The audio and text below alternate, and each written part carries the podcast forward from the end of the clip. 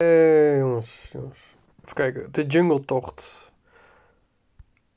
Hij besloot te gaan wandelen nadat hij een stuk tekst had geschreven in zijn reisboekje.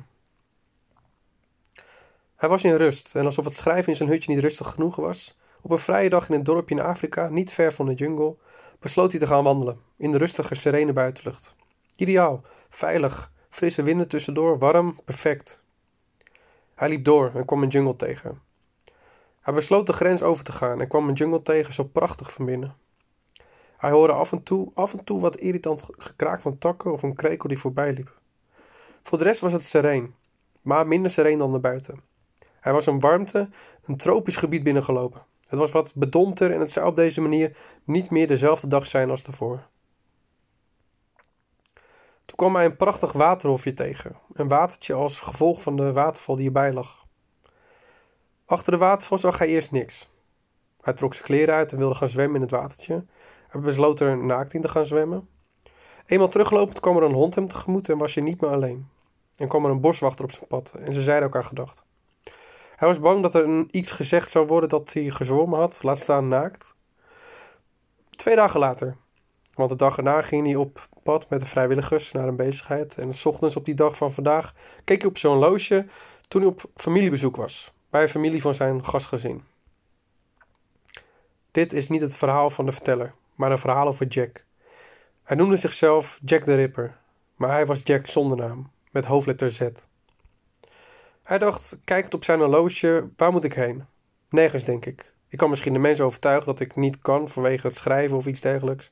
Jack liep de jungle die middag gewoon in, scheid en alles. Hij was opgewonden over wat hem te wachten stond, zwemmen weer in dat watertje. Toen hij dit keer aankwam en nog voordat hij zijn shirt uit had, zag hij iets. En kwam er achter de waterval een prachtige nimf gedaan tevoorschijn. Ze had een mooi zilverkleurig wit-zilver lichaam en glinsterend en sprankelend. En ze greep hem beet en trok hem naar zich toe en trok hem mee naar de waterval, waar ze sprankelend en glinsterend. Puntje, puntje, puntje. Hij liep hoter de boter van wat zijn nieuwe leven was na de jungle de volgende dag. En daar was, je nu, en daar was nu niet de vrouw. Hij bleef, had geen zin om te zwemmen en wilde teruglopen. Toen wenkte een vrouw hem met haar stem.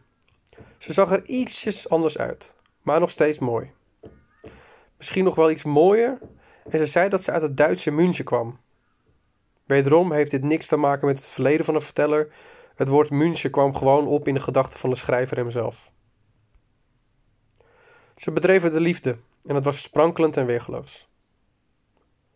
De volgende dag zei hij dat hij ziek was en niet mee kon werken.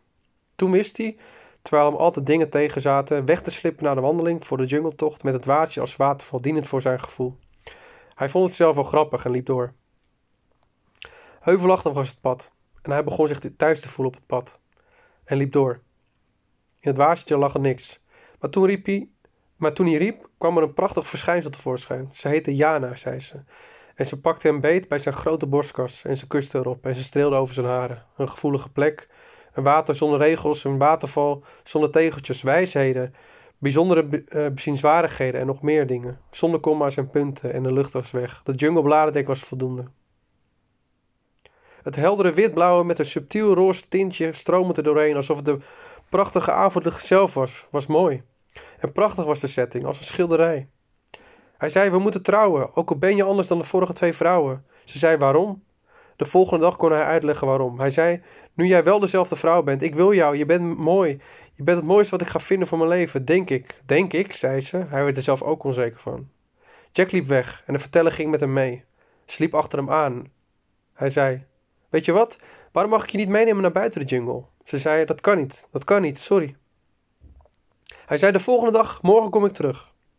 De dag erop had hij echter alles tegen en wist hij niet of het ging lukken. Hij moest nu eerlijk zijn en vertellen waarom hij echt naar de jungle moest gaan.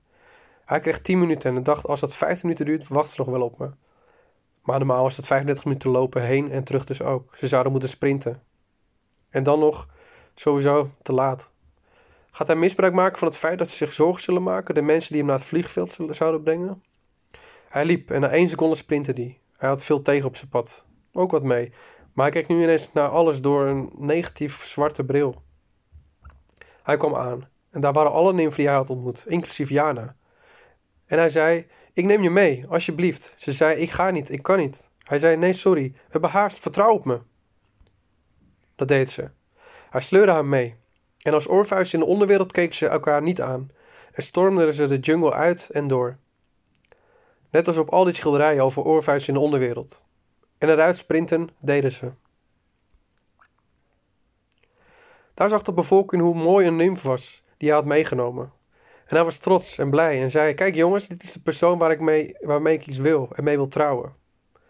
Tijdens het uitspreken van de woorden, vooral het van het trouwen, geloofde hij zichzelf niet zo meer. En toen hij naar links keek, zag hij de nymf buiten adem, naakt en enorm breekbaar.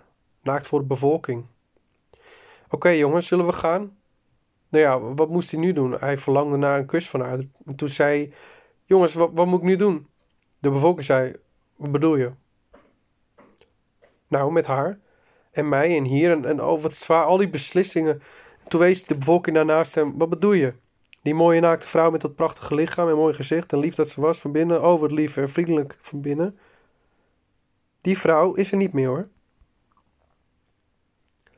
En hij keek naast zich en ze was er niet meer. Hij voelde inderdaad geen halt meer. En ze was verdwenen als een plas water in de zandgrond. Huh? Maar ze was hier net nog. Ja, maar nu niet meer, zei de bevolking. Kom, ga mee. De jongen was buiten zin en dacht: Ze was net nog hier. Jongens, hoe komt die plas hier? Misschien heeft ze nog wat voor je achtergelaten voor ze wegging. En ze begonnen te schateren. Kom Jack in de auto, we hebben. Dat was niet zo. Want ze waren veel te vroeg weggegaan. Typisch thuisgebruik. Wederom, dit verhaal is het verhaal van Jack.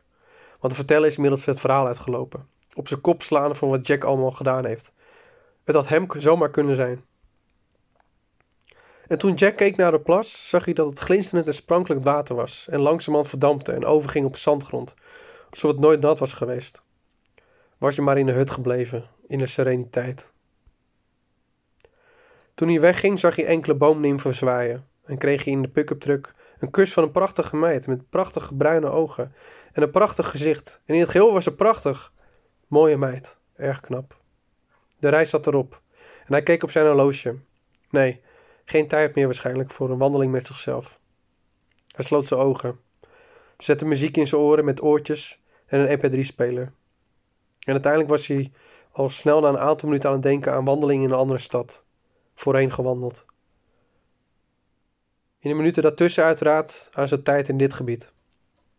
Hij was met een glimlach op zijn gezicht weg aan het dromen.